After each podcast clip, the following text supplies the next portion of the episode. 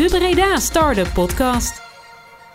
Hallo en welkom allemaal bij een nieuwe aflevering van de Breda Startup Podcast. Vandaag zit ik aan tafel met Max van Kuipers van Stichting Gezond Gamen en Dynasty Esports. Welkom. Yes, dankjewel. Ja, leuk dat je er wil zijn. En uh, we hebben het zojuist al besproken. En elke podcast beginnen met de pitch. De pitch. Ja, nou, zoals je net al zei, uh, ben ik uh, bij twee uh, organisaties bezig. Stichting Gezond Gamen en Dynasty Esports. ik zal beginnen met de stichting. Stichting Gezond Gamen is een organisatie die zich bezighoudt met gameproblematiek, gamegerelateerde casuïstiek um, en mogelijk gameverslaving. waarin we proberen om de positieve kanten van gamen zoveel mogelijk te belichten zonder de gevaren te ontkennen. Wij hebben gezien, uh, dat is een beetje waar de stichting ook uit ontstaan is, dat, ja, dat, er, dat er veel over de negatieve kanten gepraat wordt en dat gamen veel uh, als een probleem gezien wordt, terwijl wij heel erg de positieve kanten daarvan inzien als je ze maar op de goede manieren inzet. En dat doen we binnen zorg en onderwijs. Uh, voornamelijk met gamerscans. En gamerscans zijn gesprekken van een uurtje uh, waarin we gewoon gaan praten over gamen. We gaan praten over wat vind je leuk, uh, wat speel je, met wie speel je dat, waar ben je goed in, waar ben je niet goed in. Um, en we leggen dat naast de rest van iemands leven. En dan proberen we parallellen te zoeken tussen het gamegedrag en de rest van het leven. En omdat gamen iets uitermate cognitiefs is, kun je daar vaak heel veel uithalen op psychologisch niveau, waar je weer mee verder kunt. Um, en omdat je in game, games doe je dingen van nature omdat je die leuk vindt. Uh, en daar kun je dus heel veel uithalen van... Hè, wat, wat vind je nou leuk om in de rest van je leven te doen. Dus zo'n gamerskennis heel erg, uh, kan heel erg helpen bij mensen die op zoek zijn naar een nieuwe studie... of een nieuwe baan of überhaupt een nieuwe richting. Uh, of gewoon iets over zichzelf willen leren. Ehm, dus dat is wat we voornamelijk met de stichting doen. En dan Dynasty, Dynasty Esports. Dat is een e-sports organisatie, een Nederlandse. Uh, we richten ook ons op de Nederlandse e-sports scene... Um, en onze droom uiteindelijk is om met Nederlands e-sports talent, wat we zelf hebben opgebouwd, uh, om een internationaal niveau mee te spelen. We willen een beetje het, het Ajax van, van, uh, van e-sports worden, zeg maar. Dus echt met eigen gegroeid talent, um, jongens of meisjes die binnenkomen en die gewoon gamen leuk vinden en die misschien een droom hebben, maar dat hoeft niet eens, maar die gewoon door, door te werken en door uh, ja, door passie voor het spelletje beter worden. Daar met een team uh, ja, het hoogste niveau te halen. Dat is de droom. En uh, dat doen we op allerlei verschillende soorten manieren. Gaaf, wel heel breed. Um, wat is jouw rol in beide organisaties? Wat doe jij zelf? Ja, van Dynasty ben ik dus de eigenaar, zit ik in het bestuur. Uh, daar zitten we in met z'n drieën. Dus uh, ja, dus daar ben ik vooral met het strategische deel bezig. Het opzetten van de projecten, Um, en zodra ze draaien, zorgen dat het blijft lopen. Voor de stichting zijn we een stukje kleiner. Daar zijn we überhaupt met z'n vieren. En uh, ja, daar, ben ik de voorzitter van, medeoprichter. En uh, de gamerscans die ik net zei, ik ben vooral voor het uh, uitvoerende deel verantwoordelijk daarvoor. Daarnaast werk ik nog met een collega, Damon van der Velde. Die is verslavingdeskundige. Um, en die is echt voor, ja, voor, de, voor de theoretische kant. En uh, dat is een beetje mijn, uh, mijn klankbord. En als ik dan een gesprek heb gehad, dan ga ik hem met, met hem echt analyseren van goh, wat is er aan de hand en wat voor advies kunnen we geven. Dus om echt die diepte te krijgen. Um, ja, dus dat. Ja, dat is jouw rol. Dat is mijn rol. Ja, ja. zeker. En hoe, hoe, is dat ontstaan? Want zeg maar, Dynasty is denk ik, was er eerder dan Stichting ja. Gezond Gamen. En dat is Klopt. natuurlijk een logisch gevolg ook. Want je, je ziet dingen gebeuren binnen je e-sports organisatie. Uh, waardoor je zoiets hebt van, oh wacht, hier kunnen we impact op maken. Maar hoe is Dynasty gestart? Want het is natuurlijk wel heel veel mensen die gamen. Ja. Maar niet iedereen denkt, ik ga een e-sports team oprichten. Misschien dat ze erin willen spelen. Maar ja, hoe is jouw reis geweest? Ja, ja zoals veel dingen denk ik, uh, komt van het een het ander. Um, ik heb zelf altijd uh, gegamed. Eigenlijk sinds... Uh, uh, ja, sinds mijn opa en oma een computer kochten, ergens uh, vroeg in de negentiger jaren, daar ben ik achter gekropen en daar ben ik eigenlijk nooit meer vandaan gekomen. Um, in mijn middelbare schooltijd heb ik heel veel Age of Empires gespeeld, een strategiespel. Voor de mensen die dat niks zegt, uh, het is een soort van schaken, maar dan zonder beurten. Je doet je beurten zeg maar tegelijkertijd. Dat is de beste manier voor leken voor mij om Age of Empires uit te leggen. Um, en dat heb ik eh, heel veel gespeeld. En er waren allerlei toernooien in, in, in Nederland. Dat was het niveau van e-sport, wat er zeker voor Age of Empires toen de tijd was. En die ging ik af. Ehm, al die LAN-parties, zoals dat dan heette. En, en, uh, een LAN-party zegt iedereen neemt zijn computer mee. Dan gaan we in één grote ruimte zitten en met z'n allen ja. Gewoon toernooien en, en überhaupt gewoon gezellig en leuk. Ja, zeker. Maar inderdaad met z'n allen bij elkaar gaan zitten en gamen. Ja, en dat, Was, en dat is nu nog steeds. En dat, is, dat zijn gave evenementen. Maar vroeger was het heel bijzonder. Omdat toen online gaming zoals het nu bestaat, dat was er gewoon nog niet. Het was heel bijzonder als je online tegen iemand kon spelen. Dus het was heel vet als je dan naar zo'n toernooi kon gaan. En je had heel lang geoefend. En je had allemaal strategieën bedacht in een vacuüm. Ehm, en dan kon je die voor het eerst eigenlijk uittesten. Het was een hele andere tijd van gaming die ik, moet ik zeggen, soms wel echt wel mis. Ja, geloof ik wel, ja. Ehm, maar uh, ja, dat, dat deed ik. Dat was, dat, was, dat was gewoon mijn passie. En dat heb ik een hele lange tijd gedaan. En daarnaast uh, ging ik op een gegeven moment psychologie studeren, toegepaste psychologie. Ehm, en ik vond coaching en training vond ik heel boeiend. En toen ik voor, de eerste keer op zo'n landparty kwam zonder dat ik echt bezig was met, met spelen, met echt winnen. Maar gewoon, ja, omdat ik het leuk vond en dat is wat ik deed. Toen zag ik dat die coaches, dat begon een beetje echt op te komen binnen de e-sports. Dat teams echt coaches hadden. De echte eerste teamspellen kwamen op. League of Legends was de grootste. En ik zag dat en ik dacht meteen van, wauw, dit, dit, dit wil ik. Dit kan ik. ik. Ik hoorde die coaches en ik dacht, ik heb hier heel veel aan toe te voegen. En toen ben ik naar een team gegaan wat daar zat, die nog geen coaches hadden. En het leken me aardige gasten. Die heette New Dynasty, dat team. Dat bestond net een week. Was opgericht door uh, Floris Buurman, nu mijn compagnon. En uh, ik zei van, uh, ik denk dat ik wel, ik, kan je wel helpen, denk ik. En ja, daar, daar begon de journey, zeg maar. Het, het klikte meteen tussen Floris en mij, maar ook tussen het team. En ja, ik ben als mental coach daar begonnen. En ik ben daar nooit meer weggegaan. Uh, ongeveer drie jaar nadat ik ze ontmoet had, hebben we van New Dynasty Dynasty gemaakt. Een e-sportsorganisatie. Vanaf dat moment was het niet alleen maar dat League of Legends team, maar was het echt een organisatie die zich ja, met dat doel bezig hield, wat ik net zei. Um, en we spelen nu in Rocket League, League of Legends en uh, Valorant. Hebben we drie teams waar we in de top van de Benelux uh, meedoen. Ja. Ja, dus. En waarom dan uitbreiden naar meerdere teams? Waarom niet blijven bij één game, League of Legends? Beter te managen? Ik bedoel, waar, waarom diversificatie? Ja, goede vraag. Um, sowieso omdat de, de kennis die je hebt, heel veel van de kennis die je hebt, die kun je overdragen op andere spellen. Wat, wat, wat in die zin e-sports organisaties anders maakt dan sportorganisaties, is dat je hebt alle hardware al om alles te spelen. Kijk, als je een voetbalorganisatie uh, bent, om dan tennis te gaan doen, moet je echt een tennisveld aanleggen. Dan moet je zoveel dingen doen. Maar als je van, een, van League Rocket League, dan moet je het spel installeren en de, en de spelers vinden en dan ben je er eigenlijk al. Ik, ik, ik snij nu wat hoeken af, maar... Hè, ja, dat maar is, dat is uh, grofweg, zeg maar, de ja. barrier to entry is, is extreem laag. laag ja. ja. dus je hebt gewoon heel, je hebt de kennis in huis om dat ook te doen. Um, en ja, je moet als organisatie, je moet jezelf verbreden om ook echt, zeker in Nederland, waar de markt gewoon heel klein is, om, om relevant te blijven.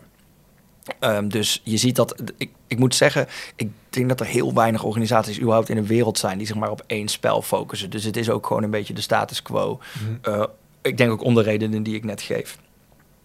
Ja, tegelijkertijd, ja, je hebt passie voor andere games en je wil dat proberen. En um, ja, je gaat het gewoon doen. En dan sommige dingen, want we hebben door de jaren heen meerdere games gehad. Uh, maar dit is wat er een beetje overblijft. Ja. Um, dus ja, zo gaat dat. Ja, ik vind competitief gezien snap ik Valorant en uh, League of Legends. Hm. Maar ik wist niet dat er zo'n competitieve scene achter uh, een Rocket League zat. Absoluut, ja zeker. Dat is een van de grotere zelfs. En die is steeds uh, meer groeiend. En ik denk zelfs dat Rocket League echt wel op de echt lange termijn nog wel eens de, de grootste kan worden. Omdat het de meest kijkbare e-sports is, ook ja. voor leken. Ja. League of Legends en Valorant zijn spellen die voor leken gewoon, daar, daar snap je helemaal niks van als je daar naar kijkt. Nee. Er schiet van alles door het beeld en er wordt heel complex, ook door de casters, meestal over de strategieën gepraat. En je moet je daar echt in vastbijten om het te, te begrijpen. Als je dat eenmaal hebt gedaan, is het het waard uh, voor iedereen die dat zou willen. Maar, maar Rocket League is uiteindelijk, het is voetbal met bestuurbare autootjes. Dus, ja, het concept is wat dat betreft heel simpel. Ja, als je voetbal kent, dan snap je Rocket League meteen als je ja. het ziet. En dat zie je dus ook in die e-sports evenementen, dat dat veel uh, meer mensen trekt die ook langer blijven. Omdat mensen die verder niks van e-sport weten, die kijken even. Ze zien even dat, want het beeld schiet natuurlijk wel alle kanten op, maar ze zien, oh wacht eens even, het is voetbal. En een hele energieke nieuwe manier van voetbal. En dat is gaaf. Dus ja, ik denk dat Rocket League wel in die zin iets voor heeft op andere e-sports titels. Ja, zeker. En wat is dan zeg maar binnen Dynasty de, de, de groeikeuzes die je maken? Waar ga je naartoe? Waarom? Want je zei inderdaad de Ajax worden van uh, e-sports. Dus in Nederland gewoon echt op, op landelijk of wereldwijd niveau mee gaan spelen. Um, wat is dan het eerste doel wat je nu moet gaan behalen om dat te kunnen gaan doen? Ja, het, zijn twee. Het is een mix van twee dingen waar het mee begint. Ten eerste is het gewoon: is de game populair genoeg? Uh, ja, als het, er zijn heel veel games die we vet vinden, maar als de scene zo klein is, dan is het gewoon niet waard. Uh, niet eens per se van een financieel oogpunt, maar ook vanuit een strategisch oogpunt, omdat kleine communities ook weer heel snel verdwijnen. Um, mogelijk. Dus ja, is de game populair genoeg? Dat is één. Dan is twee, hebben wij een feel voor de game? Hebben wij genoeg passie in het team zitten om dat te kunnen dragen? Als er niemand in het bestuur zit die, die zo zegt van, oh, daar krijg ik energie van, dan doen we het niet, want dan weten we dat het gewoon niet echt tot zijn recht gaat komen. Nee. Uh, dus uh, als we zien iets populair en een van ons zegt: Dit is vet, ik, uh, ik wil me hier wel van en we hebben de tijd nog, ja, dan komt dat erbij en dan gaan we dat proberen. Dan hangt het even af van kunnen we er een, een coach bij vinden die, die, het, die het kan gaan tillen vanuit een echt een day-to-day -day, uh, business. Um, en als die drie vinkjes groen zijn, zeg maar, dan, dan gaan we gewoon beginnen. Ja. En heb je nou veel mensen die zeggen van, oh, ik zou heel graag maar aansluiten bij jullie? Of is dat ook nog niet zo heel erg groot? Want ik neem aan dat zeg maar, er zijn heel veel mensen die gewoon denken... ja, ik ben goed genoeg om dit te doen. Ja, die zitten thuis in hun eigen vacuüm en die spelen een spel... en die denken, waar ik ben hier echt goed in. Ja. Hoe komt iemand bij jullie binnen? Want dat is natuurlijk ook wel uh, de droom van heel veel ja. ja, ja. jongens en meisjes. Nou, ik denk dat dat de beste vraag is die je kan stellen. Omdat um, dat is nou precies waar de e-sport scene in Nederland op dit moment mee zit. Um, en dat is ook iets waar wij heel hard mee bezig zijn om aan te werken. Hoe komen ze nu binnen? Via twee kanalen, drie kanalen eigenlijk. Eén, je kent een van ons persoonlijk die al binnen de Dynasty zit. Twee, we staan op een evenement. Dat kan een Comic-Con zijn of een LAN-party of een ander evenement wat we mee organiseren of zo, of waar we zelf spelen. Um, en, dan, en dan komen mensen gewoon naar ons toe. En drie, en dat is veruit de, waar we het meeste krijgen, de mail. Ja, gewoon, uh, we hebben een website ook en dan krijgen we mails en daar zit inderdaad van alles tussen. Er zitten hele ervaren mensen tussen. Daar zitten hele jonge jongens tussen die, die, gewoon, hè, die, ja, die gewoon de stoute schoenen aantrekken, zeg maar. Um, en ja, daar, daar, daar zit dan. Uh, ik, we proberen zoveel mogelijk mensen de tijd te geven. Ja, soms in een week zijn het zoveel mensen. Dan, dan ja, moet je echt wel een beetje gaan kiezen, zeg maar. We proberen wel echt serieus te kijken voor iedereen van. Um, ja, wat, wat zou je kunnen doen als speler of als staf? Um, maar wat op dit moment nog echt wel mist in de e-sport scene in Nederland is de onderste laag van de piramide, om het zo maar te noemen. Hè. Dus er is heel veel in de top, zeg maar. Dus de, de top 2% van de spelers, die, die kunnen echt wel een plekje vinden. Die kunnen teams vinden, daar zijn competities voor. Maar ja, zoals ik net al zei, er is niet echt een natuurlijke manier voor iemand op dit moment om in e-sports te gaan. Je moet echt zelf naar een team toestappen of je moet heel goed zijn en gescout worden. Um, je kan niet als jong jongetje ergens in een lokaal e-sports team beginnen en dan langzaam je weg naar de top vinden. Die, die, natuurlijke route is er nog niet. En dat is waar we heel erg aan proberen te werken. Mm -hmm. Omdat als je, hè, als, als er iemand, als een jong iemand zich bijvoorbeeld meldt en um, hij speelt League of Legends en hij is Silver 2 bijvoorbeeld. Dat is, dat is een heel gemiddelde. Je hebt een ranking systeem in League of Legends om aan te geven wat je, hoe goed je bent.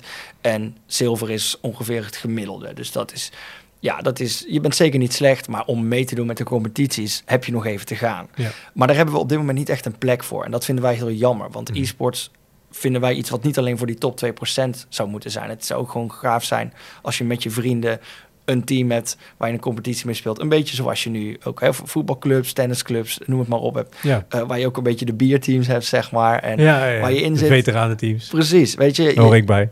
Ja, nou ja, weet je dat je gewoon met je vrienden een team hebt. Je speelt op zaterdag een potje. Uh, je doet misschien een beetje je best, maar je hebt vooral lol. En aan het einde lach je om hoe slecht of hoe goed het ging. En drink je inderdaad een biertje samen. Die vorm van e-sports, die is er nog niet echt. En dat proberen wij heel erg, met name in Breda, op dit moment op te zetten. Oké, dat is heel gaaf. Want ik weet dat bijvoorbeeld een, uh, hoe heet die game van Blizzard nou? Die shooter. Overwatch. Overwatch, die heeft geprobeerd zo'n competitie op te zetten. Dus voor mij niet helemaal gelukt. Nee. Maar die hadden wel dat idee van, hey, we gaan in elke stad krijgen een eigen competitie en dan ga je daar een hub krijgen en dan kun je je bij aansluiten. En je moet wel iets hebben om dat te faciliteren. Ja. Uh, wat doen jullie nu om dat te faciliteren? Ja, je moet eigenlijk een soort van vereniging starten waar gewoon mensen...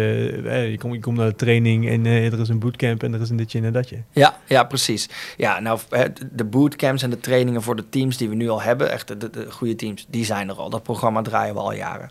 Voor de, voor de ja, recreatieve spelers, om het zo maar te zeggen, zijn we op dit moment op de middelbare scholen bezig.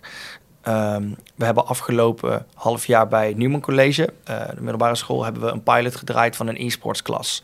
Uh, waarin we twintig leerlingen uh, het vak Valorant hebben gegeven eigenlijk. Dus we hebben daar in de klas gestaan en het spel Valorant helemaal uitgepluist.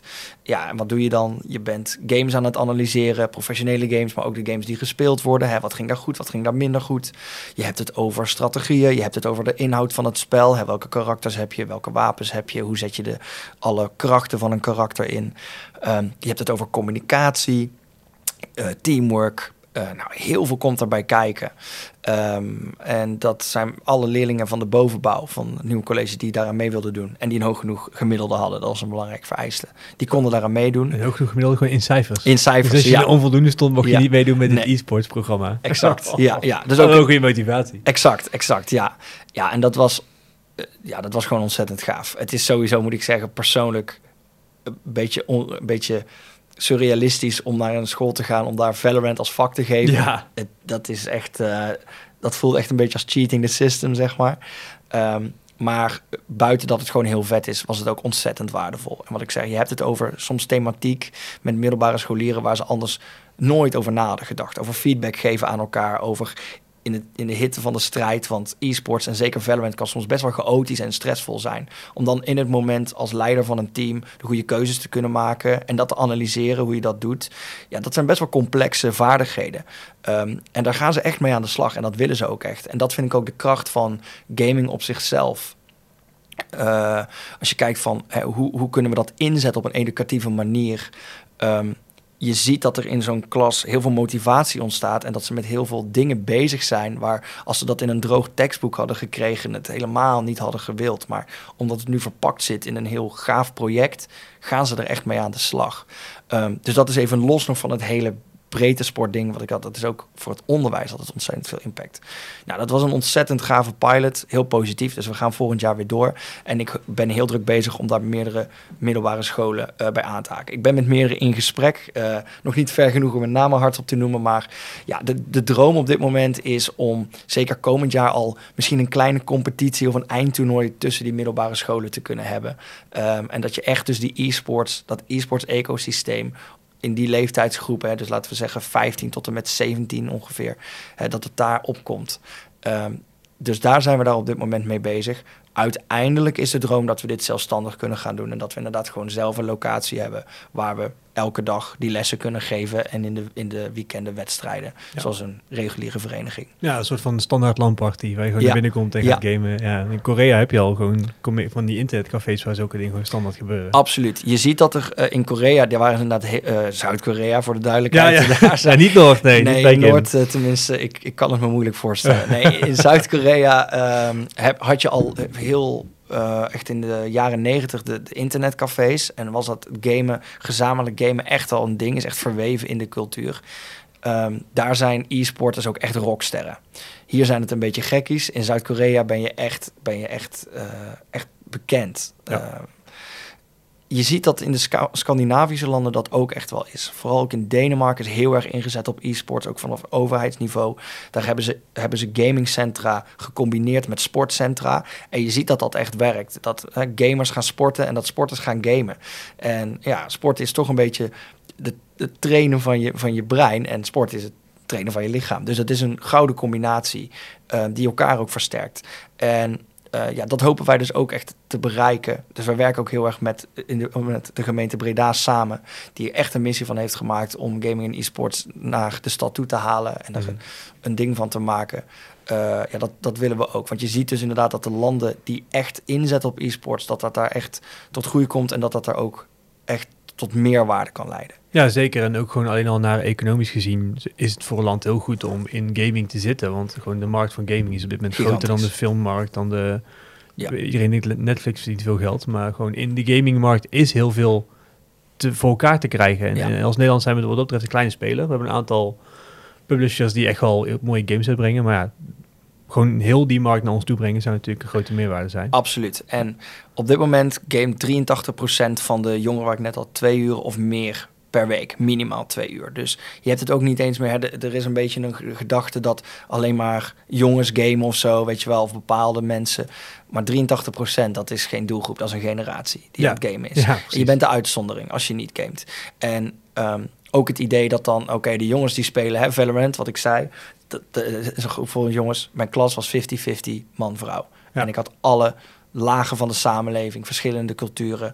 Game is iets van iedereen geworden, ook alle spellen. Dus het is niet alleen maar de vrouwen spelen Candy Crush en de rest is voor de jongens. Nee, het is echt iets, iets geworden van, van een generatie, wat ik zeg. En daarom is het ook nu de tijd om hier meer mee te doen dan uh, ja, alleen maar een computer op je zolder te hebben. Nee, de verenigingen, de, de evenementen, de, het sociale aspect. Het sociale aspect. Ook, ook een beetje de begeleiding, zeg maar. Want ik denk dat daar ook een groot probleem zit met gaming. Dat er is weinig begeleiding, zeg maar. Als iemand in zijn eentje op zijn kamer zit en die wordt elke keer in een anonieme kamer gestopt waar die samen met anderen moet gaan gamen, dan is het leeraspect ook veel kleiner. Waar jij, als jij gewoon, want ik heb zelf ook League of Legends gespeeld, als je dat met vijf vrienden doet, dan word je veel sneller beter. Maar dan krijg je die skills ook veel sneller, omdat het begeleid is. Ja. Je doet het met de, vastgroep mensen, dus je wordt beter. Als je ook keer bij vreemde mensen wordt, wordt gestopt, dan krijg je toch minder dat stukje mee. Dus die begeleiding in dat hele traject is wel heel erg belangrijk. Zeker, ja. Ja, coaching, hè, hoe je coaching ook altijd ziet. Coaching maakt je niet per se... Ehm, het maakt je wel beter, maar het maakt je vooral sneller beter. Een, een, coach kan je heel veel dingen heel snel leren zonder dat je daar uren voor dood moet gaan in League of Legends. Ja, precies. Weet je wel hoeveel potjes je daarvoor moet dat je klaar mee bent. En, ja, ja. die coach kan gewoon zeggen, goh, koop dit item of speel het op die manier. En dan maak je daar verandering in mee. Wat het ook doet, gaming op een uh, op een fysiek, op een sociale manier. Het maakt het ook meer zichtbaar voor mensen die niet gamen. Gamen is iets heel negatiefs voor de buitenstaanders. Je zit alleen in je kamer naar een scherm te staren. En als je boos wordt, ben je aan het schreeuwen. En er gebeurt heel weinig. Er gebeurt heel veel, maar het is heel, heel, heel slecht zichtbaar. Wat ik net ook zei. Hè. Alleen Rocket League is eigenlijk op dit moment als e-sports die echt voor de leek kijkbaar is. En dat je zo zegt van, oh, ik snap wat hier gebeurt. Daarom is het ook niet gek dat voor, voor buitenstaanders gamen altijd zo als iets negatiefs wordt ervaren. Op het moment dat je het naar een vereniging haalt en mensen kunnen zien dat ze in een team zitten, dat een coach bezig is met al die dingen waar ik het net over had, en dat je vrienden ook echt fysiek ziet, krijg je die waarde weer terug, ook voor ouders, voor docenten. En krijgt gamen die maatschappelijke relevantie die het eigenlijk al lang zou moeten hebben in mijn ogen. Ja, gaaf. En dan zie je vervolgens dus de stap richting Stichting Gezond Gamen. Want hè, dat is ook wel een beetje dezelfde problematiek die nog heerste, zeg maar. Hoe is die transitie gekomen? Ja, dat is heel grappig. Um, een hele lange tijd. Dus wat ik net zei over Dynasty, het is eigenlijk al vanaf het moment dat we zijn begonnen het idee van wij willen voor iedereen e-sports aanbieden. Het moet niet alleen voor die allerbeste zijn, het moet voor iedereen zijn. En toen waren we aan, aan het denken van hoe kunnen we dit doen? In wat voor mal kunnen we dit gieten? En toen kwamen we uit bij een traject voor, uh, voor jongeren, voor kinderen. Het kindtraject heette dat toen. Uh, waarin we ze begeleiden en waarin we ook kunnen zien van... Hè, is, is hier misschien problematiek aan de hand? Is het gewoon normaal? Ben je goed? Hè? Gewoon een soort van totaalplaatje creëren. En dat werd groter en groter en trial and error. En dat werd zo zijn eigen ding. En we merkten op een gegeven moment... oh, er is ook echt in de zorg mist echt heel veel kennis over gaming. En heel veel kennis over gameproblematiek. En heel veel jongeren of kinderen die veel gamen... worden meteen op gameverslaving uh, geschoven omdat ze veel gamen. Terwijl er is geen correlatie tussen het aantal uur dat je gamet en, uh, en gameverslaving. Ik zou niet zeggen geen, maar nauwelijks. Ja.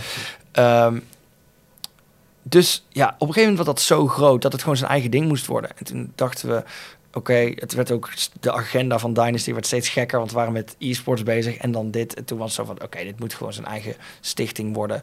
En we willen ook uitstralen dat Um, we willen ook niet. Het, het, het, voelde op een gegeven moment ook gek om een, een e-sports organisatie te zijn die echt met gamen bezig is en daar de focus op legt. En dan dit. En het voelde een beetje alsof we een soort van cirkel aan het creëren waren waar we mensen verslaafd aan het maken waren of zo. En dan weet je wel.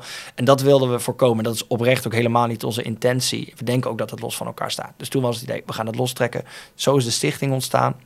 En omdat we zagen, gaming heeft heel veel positieve meerwaarde, heeft heel veel goede kanten, maar je moet het wel goed inzetten en je moet begrijpen waar de gevaren zitten. En dan kun je heel veel ook leed voorkomen. En kun je heel veel mensen die in verslavingstrajecten terechtkomen of met problematiek opgezaald worden, die misschien niet eens het geval is, als je het maar van een goede hoek bekijkt. Dat wilden we echt bieden. Ehm, en die meerwaarde, uh, ja, dat, dat wilden we dus met de stichting doen. Dus zo zijn we begonnen. En ook daar try on error. En daar is vooral nu die gamerscan uitgekomen.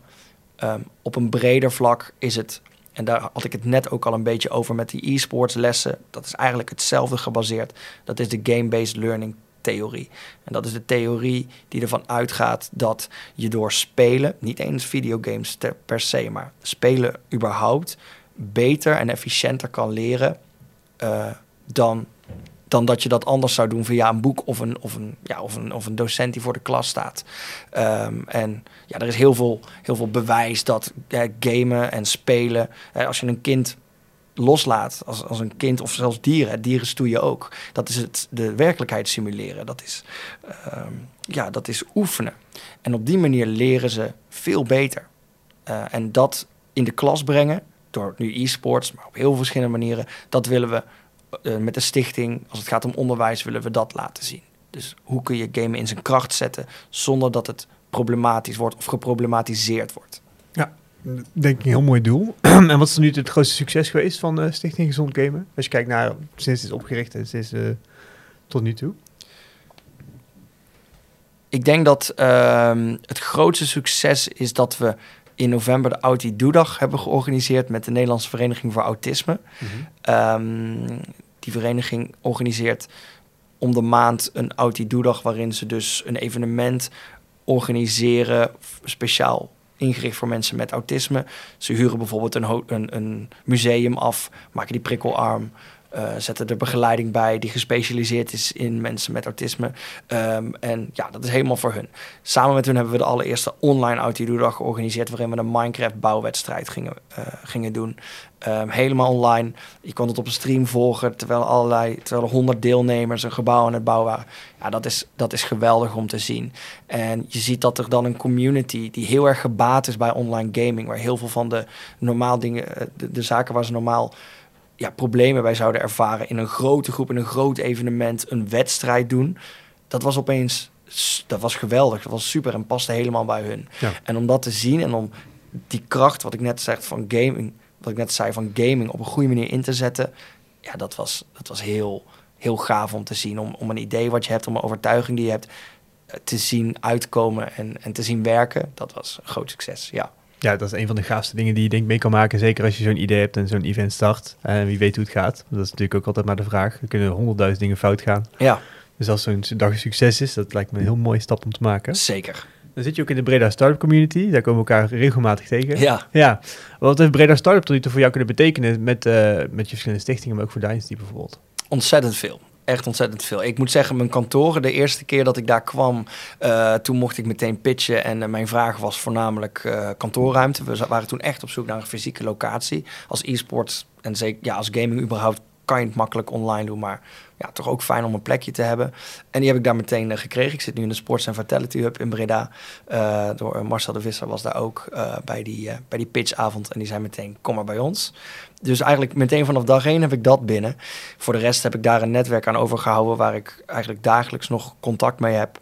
Um, zij het niet ja, e-sports technisch, wij zijn sowieso een hele kleine sector natuurlijk. Dus uh, voor de e-sports kant minder, maar voor de ervaring in ondernemen, uh, voor de, ja, de contacten überhaupt in Breda. Uh, ja, daar, daar heb ik nog steeds, uh, wat ik zeg, heb ik nog steeds dagelijks contact mee. Dus ja, ik heb er vooral veel geleerd. Ja. Ja, en wat zijn, welke dingen heb je daar geleerd? Wat was het eerste wat, nu bij je, zo, wat bij je naar boven komt?